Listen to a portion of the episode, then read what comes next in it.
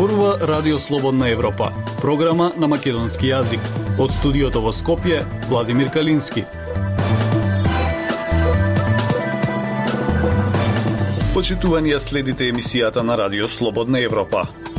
Председателот Стево Пендаровски го чека предлогот за нов мандатар, премиерот Зоран Заев се консултира за можниот негов наследник – Прашањето за воведување на енергетска криза ќе се најде на владина седница во вторник. Се предвидуваат рестрикции, но не и за домакинствата. Нови стравувања од војна во Босна и Херцеговина. Слушајте не. Независни вести и анализи за иднината на Македонија на Радио Слободна Европа и слободнаевропа.мк. Председателот Стево Пендаровски го чека предлогот за мандатарот за состав на владата, информираат од кабинетот на председателот. Премиерот Зоран Заев прави консултации во партијата и со владиното мнозинство за можниот наследник по најавената оставка во неделата. Во меѓувреме во земјава ќе биде прогласена енергетска кризна состојба. Известува Фросина Димеска. Председателот Стево Пендаровски во однос на застојбата во државата ќе постапува согласно неговите уставни надлежности, одговара до кабинетот на шефот на државата на прашањето на Радио Слободна Европа дали планира да ги вигне лидерите на партиите и на првите луѓе на клучните институции земајќи е предвид и политичката и енергетската криза. Откако ќе биде познато името на новиот мандатар, председателот ќе го додели мандатот за состав на идната влада. Одговарат кратко од кабинетот на Пендаровски. Името на мандатарот според досегашните неофицијални најави би се дознало наскоро. Петок на нова средба со лидерите на партиите од владиното мнозинство премиерот Зоран Заев ќе разговара за идните чекори на коалицијата. Меѓу другото и според најавите за предлозите за нов мандатар и премиер. Тој со нив се сретна во понеделникот, ден по изборната ноќ во која го претрпе поразот пошто ја најави својата оставка и од државната и од партиската позиција. Тогаш сите лидери на партија му изразија подршка и најавија дека остануваат во владината коалиција за своите 62 пратеници. Заедничка лидерска средба и со партии надвор од мнозинството не е планирана, но можно е председателот Заев да има одделни средби со председатели на парламентарни партии кои не се дел од владачкото мнозинство, велат од СДСМ. Во меѓувреме покрај политичката криза, како што најави министерот за економија Крешник Бектеши, ќе биде прегласена енергетска криза. Состојба за да може како што рече се вбризгаат пари од буџетот во енергетските компании, како што се ЕСМ и МЕПСО. Тие пари би се трошеле за увоз на струја, а оваа криза кризна состојба би ја прогласила владата. Во услови на политичка и енергетска криза се поставило прашањето има ли побрз начин за интервенција. Во минатото при вакви случувања се одржуваат така наречени лидерски средби, како на пример ланската ке председателот Стево Пендаровски, кога треба да се одложат предвремените парламентарни избори поради корона кризата. Според деканот на факултетот за безбедност Никола Дујовски, лидерска средба во овој момент не е потребна. Тоа го објаснува и со фактот што премиерот и лидер на СДСМ е во оставка, после тоа партијата всушност нема капацитет да учествува на таква средба. Тој смета дека прво треба да стигне оставката на Заев во парламентот, да се назначи нов мандатар, да се изгласа владата, па потоа би можела да се одржи лидерска средба. Мислам дека за изгласување на новата влада нема да биде потребна лидерска средба. Можно е поради блокадите кои што евидентно ВМРО ДПМН ќе продолжи да ги прави во наредниот период во собранието. Може би во некој период там пред нова година може би има и лидерска средба. Вели Дујовски. Инаку откако премиерот ка испрати оставката во собранието и всушност со тоа ќе се распушти целата влада, председателот на државата ќе има 10 дена да одреди друг мандатар. Потоа мандатарот би имал уште 20 дена за составување нова влада, која би ја предложил во собранието и која треба да изгласа мнозинството од 62 пратеника, чии лидери на средбата кај Заев потврдија дека се уште се дел од него. Слободна Европа. Следете на на Facebook, Twitter и YouTube. Прашањето за воведување на енергетска криза ќе се најде на владина седница во вторник според најавите на представниците на власта. Во донесената владина уредба се предвидуваат рестрикции во користењето на струјата, но не и за домакинствата. Од Министерството за економија уверуваат дека до крајот на годината струјата нема да поскапи. Марија Митевска. Известно е дека земјава ќе прогласи енергетска криза откако тоа го најави министерот за економија Крешник Бектеши. Тој рече дека прашањето ќе се најде на наредната владина седница во вторник. Според него рестрикции на струја нема да има, а целта на кризната состојба е да може да се вбризгаат буџетски средства директно во енергетските компании. Кризна состојба во делот на енергетиката прогласува владата на предлог на Комисијата за електроенергетска кризна состојба со која раководи Бектеши.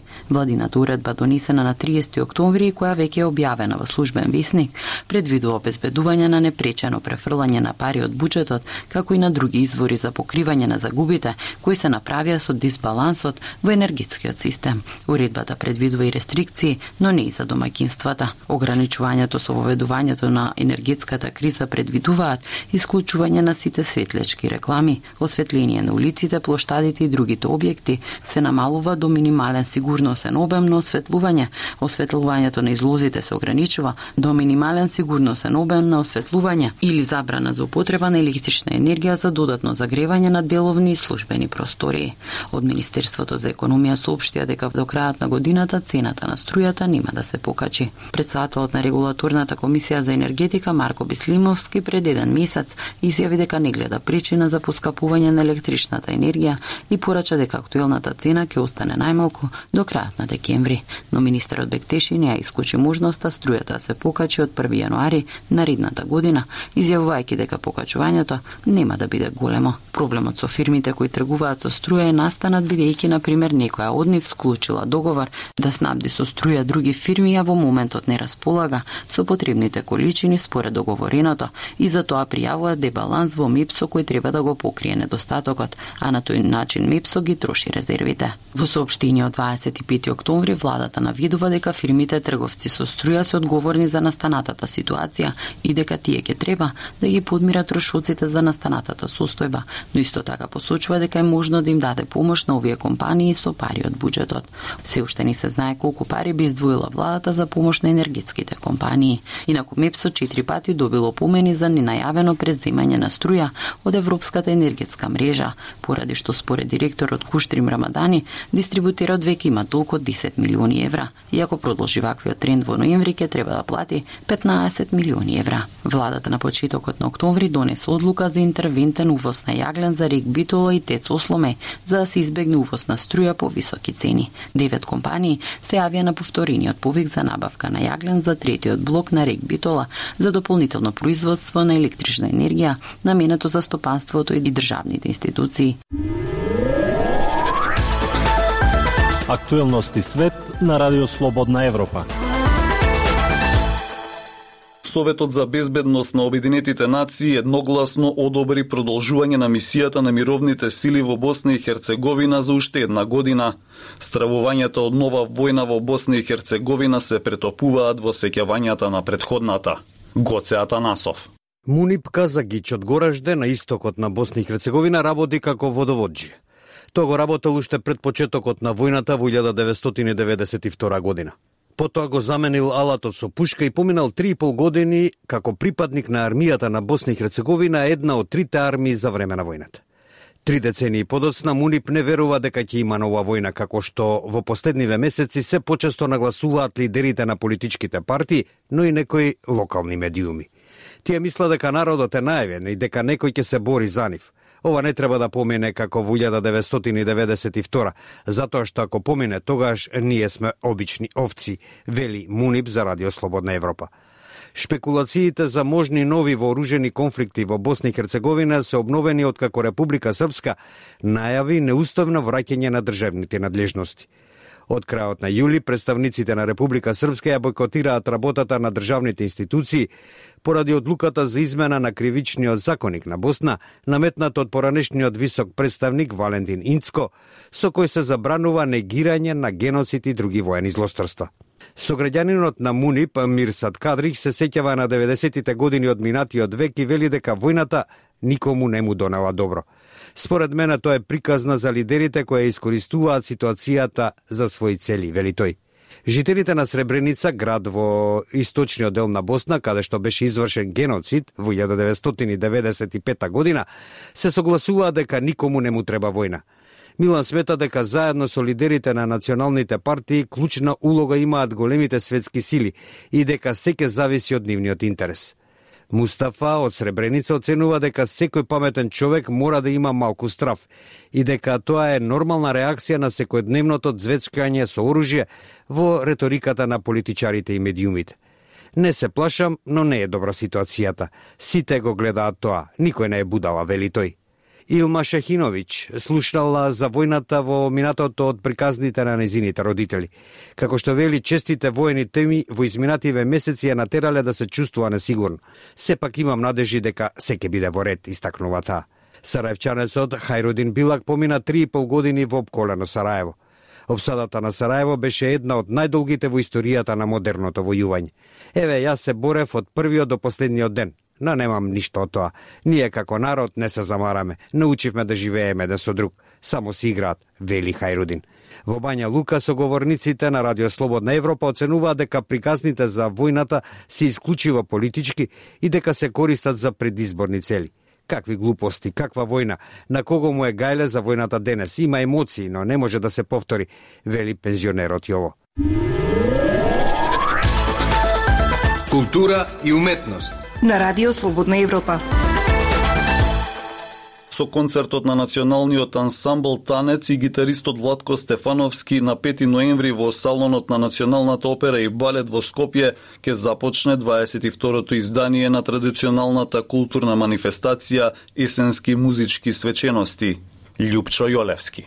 На љубителите на музиката, посебно на современото македонско творештво, од 5 до 30 ноември, по 22 пат ќе им се случува традиционалната културна манифестација Есенски музички свечености, зад која сите овие години како организатор настојчиво стои Дирекцијата за култура и уметност на град Скопје. И овој пат планирани се 13 настани кои главно ќе се одвиваат на три сцени во Националната опера и балет, Музеот на македонската борба и во Филхармонија. Сепак она што посебно се издвојува е проектот за отворање на манифестацијата. Имено овој петок на 5 ноември во 20 часот по салонот на Националната опера и балет е планирано да биде одржан првиот заеднички концерт на националниот ансамбл Танец и на македонскиот виртуоз на гитара Владко Стефановски. По пресред на овој несекојдневен настан, организаторите ќе забележат дека Танец како национален ансамбл повеќе од 7 децении ја остварува својата културна мисија на негување и презентирање на македонското фолклорно творештво во земјава и надвор од неа, дека генерации и генерации и играорци, пејачи, музичари, кореографи, со огромна љубов ги чуваат народните игри и песни, обичаи и носи и преку успешните рафинирани кореографски поставки го презентираат македонскиот бит пред светот. Од друга страна, во дописот до медиумите стои и тоа дека Владко Стефановски е стар пријател на танец, кој во текот на својата речиси пет децениска кариера многу пати има настапувано со ансамблот и дома и надвор. Тој секогаш со работките со танец ги истакнува како посебно значајни и инспиративни за неговата музика, како и за македонската музичка култура во целост. Но иако македонските фолклорни мотиви, како и фрагментите од репертуарот на танец се неизоставен дел од неговите изведби, Стефановски освен повремените еднократни настапи со уметниците, никогаш досега не остварил целовечерен концерт со ансамблот како целина. Конечно дојде и тој момент кога овие два бренда ќе ја делат сцената на голем концерт, за кој аранжманите на антологиските ора, Пилистарско, Касапско, Ситна Лиса, Поступано, специјално ги напиша познатиот македонски композитор, аранжер и инструменталист Дамир Мери. Оваа врвна фузија од која излезе уникатно парче музика, заслужува и достојна концертна промоција која ќе се случи токму на овогодишната манифестација Есенски музички свечен свечености. 22-то издание на фестивалот Есенски музички свечености ќе понуди 13 програми пред се посветени на класичната музика. На тој начин се остварува првичната идеја кога фестивалот беше востановен, односно месецот ноември да стане месец на музиката, заедно со програмите кои ги нудат и останатите институции кои главно делуваат во оваа сфера. Овогодишното издание на фестивалот, како и во предходните години, пред се е посветено на македонските уметници и автори. По минатогодишното издание, кога фестивалот заради пандемијата со коронавирусот беше посветено исклучиво на домашните уметници, со што покажавме дека Македонија располага со исклучително квалитетни уметници. Оваа година повторно ширум ја отвараме капијата и за странските гости. Вели Никола Глигоров, првиот човек на Дирекцијата за култура и уметност на град Скопје, организаторите на манифестацијата. Почитувани слушатели, тоа е се што ви подготвивме во оваа емисија. Од студиото во Скопје ве поздравуваат Владимир Калински и Дејан Балаловски.